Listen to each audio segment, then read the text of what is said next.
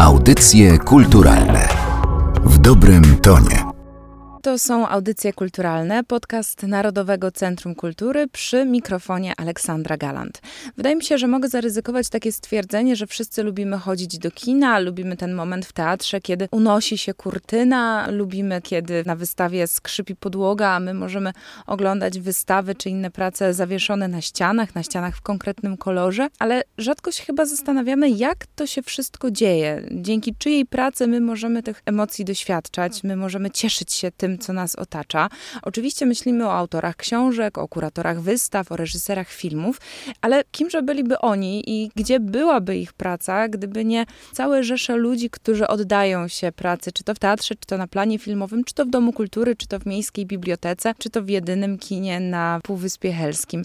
To są ludzie, którzy z jakiegoś powodu, często z wyboru, ale myślę, że o tym porozmawiamy za moment, pozostają w cieniu, są w takim drugim rzędzie, drugim rzędzie, który jest niezastąpialny, ale którego nie możemy dostrzec. Dostrzegła te osoby Aleksandra Boćkowska, dziennikarka, reporterka, redaktorka, autorka książek, między innymi książek To nie są moje wielbłądy o modzie w PRL, czy Księżyc w Peweksie o luksusie w PRL. Tym razem napisała książkę, która z PRL-em bezpośrednio związana nie jest. Książka nosi tytuł To wszystko nie robi się samo, rozmowy na zapleczu kultury. I właśnie na tym zapleczu pracują ludzie, dzięki którym możemy z kultury korzystać i możemy jej doświadczać. A Aleksandra Boćkowska przyjęła zaproszenie i jest dzisiaj waszym i moim gościem. Witam w audycjach kulturalnych. Dzień dobry. Każda rozmowa powinna mieć swój początek i koniec. Warto zaczynać od początku, dlatego wydaje mi się naturalnym pytanie o to, jak pani na to zaplecze kultury trafiła i skąd wziął się pomysł, że właśnie tych ludzi warto wysłuchać. Pomysł wziął się z dwutygodnika, który to dwutygodnik dawno temu robił cykl o rzemieślnikach kultury, gdzie były głównie osoby związane z literaturą. I po jakimś czasie postanowili wrócić do tego pomysłu i zwrócili się do mnie w 2019 roku, czy nie miałabym ochoty na taki cykl rozmów. Ja miałam olbrzymią ochotę. Od razu był pomysł, że będzie z tego kiedyś książka. Ja nie bardzo akurat na to miałam ochotę, bo uważałam, że, że wystarczy, kiedy to będzie w dwutygodniku, no ale po jakimś czasie wróciliśmy do tego pomysłu i rezultatem jest książka, która teraz się ukazuje. Bardzo chętnie zgodziłam się na prowadzenie tego cyklu, bo mnie w ogóle zawsze interesuje to, co jest y, na zapleczu. Może nie zapleczu restauracji, ale na wszystkich innych zapleczach tak. Lubię zaglądać za, za fasady.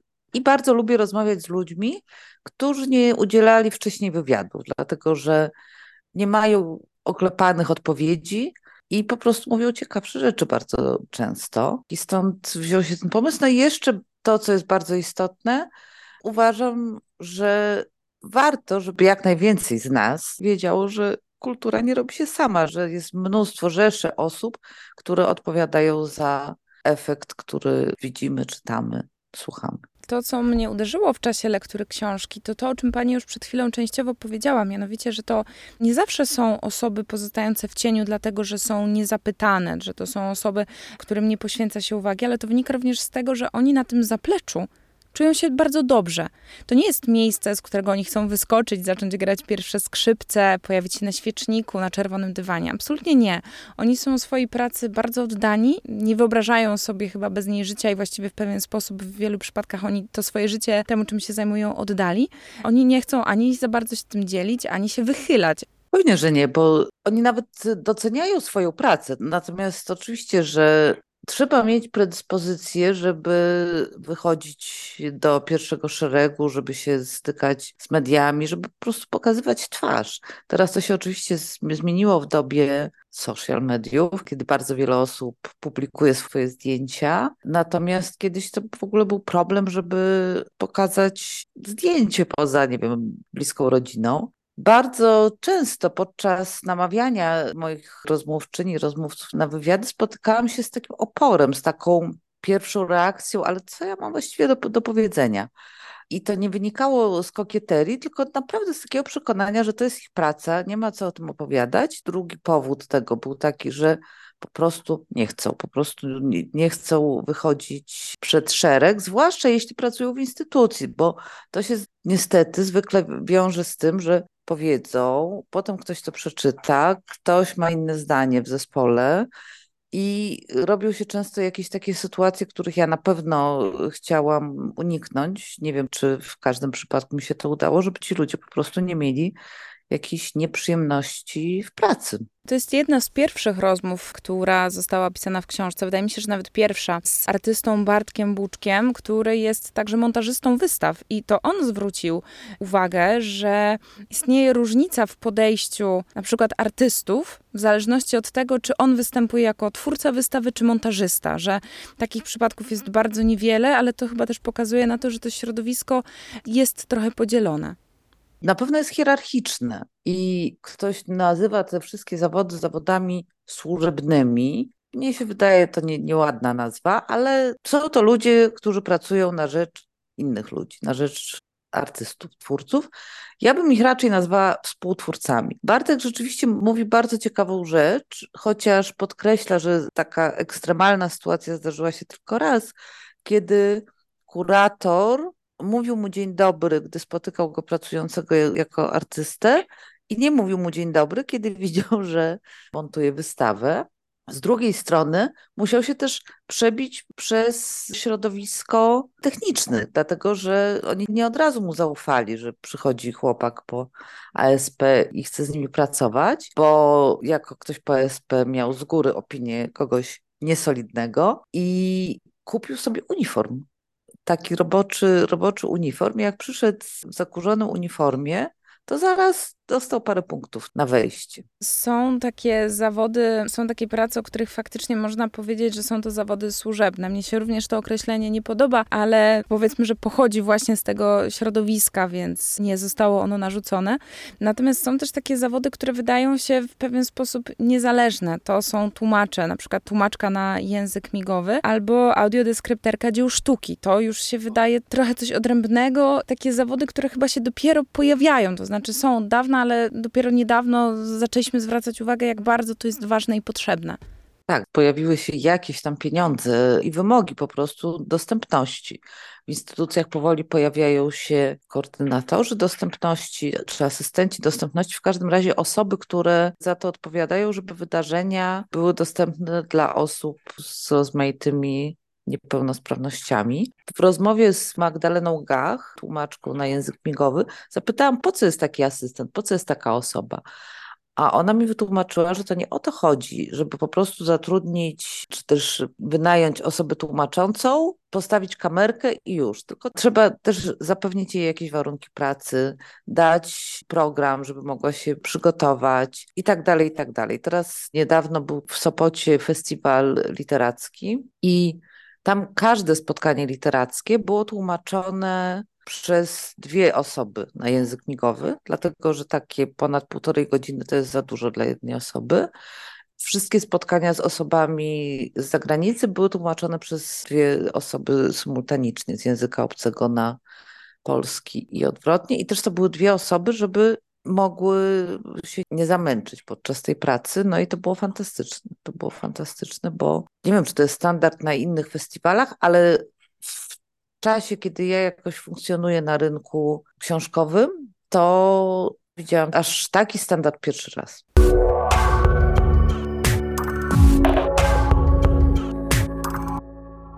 Mówimy tutaj o osobach, które pracują na rzecz odbiorców. Przecież na tym polega dostępność, żeby z tych materiałów, publikacji, filmów mogło skorzystać jak najwięcej osób, również z ograniczeniami wzroku czy słuchu. Pojawiają się też osoby, których działania chronią artystów, na przykład konsultantki intymności, nazywane też koordynatorkami scen intymnych. To dopiero jest zawód, który dopiero się rodzi, który od kilku lat się pojawia, bo też dopiero od kilku lat jesteśmy w stanie mówić, że to, co się tam wyprawia na tych planach filmowych, zdarza się, że naprawdę jest przemocowe. Tak, tak. One mają taką rolę, żeby pomóc artystom trzymać granice. Zresztą z tego co wiem, nawet nie tylko od nich, tylko w ogóle z różnych opowieści, też mają taką dosyć wyboistą drogę wejścia i na plany, i do teatru, bo, bo wszyscy się boją, że, że to będzie jakieś ograniczenie. Znaczy nie wszyscy, ale bardzo wiele osób boi się, że to będzie jakieś ograniczenie, a tymczasem okazuje się, że przeważnie pomagają i reżyserom, i aktorom, żeby wszystko odbywało się bez przekraczania granic, które rzeczywiście przez długie lata były bardzo, bardzo przekraczane. Nie wiem, czy to jest do końca trafne i oczywiście można mówić o wielu podziałach, wielu różnych próbach systematyzowania i charakteryzowania różnych miejsc, środowisk i grup, ale no, możemy powiedzieć o tej kulturze wielkoskalowej, to znaczy produkcji filmów, międzynarodowych spektakli teatralnych, dużych koncertów, ale jest też ta kultura lokalna, moim zdaniem fundamentalna, której znaczenie jest nie do przecenienia i przedstawiciele właśnie tej grupy też się w książce pojawiają. To są kinooperatorzy z małych kin. Chodzi mi właśnie o pracowników miejskich, lokalnych bibliotek, centrów kultury,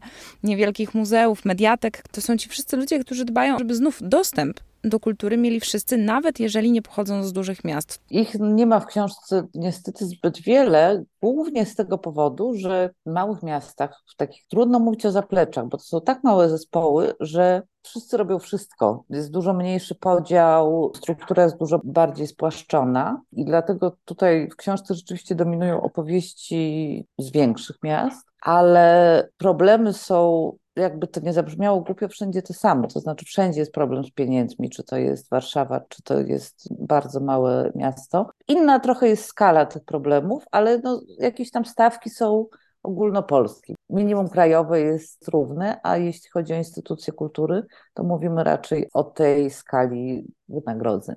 Ja bym bardzo chciała, żeby ta książka stały się przyczynkiem do dyskusji o warunkach pracy ludzi zatrudnionych w kulturze, czy też pracujących na rzecz kultury, bo brzmi to bardzo górnolotnie, ale kultura jest absolutnie fundamentem społecznym. Bez niej ani róż.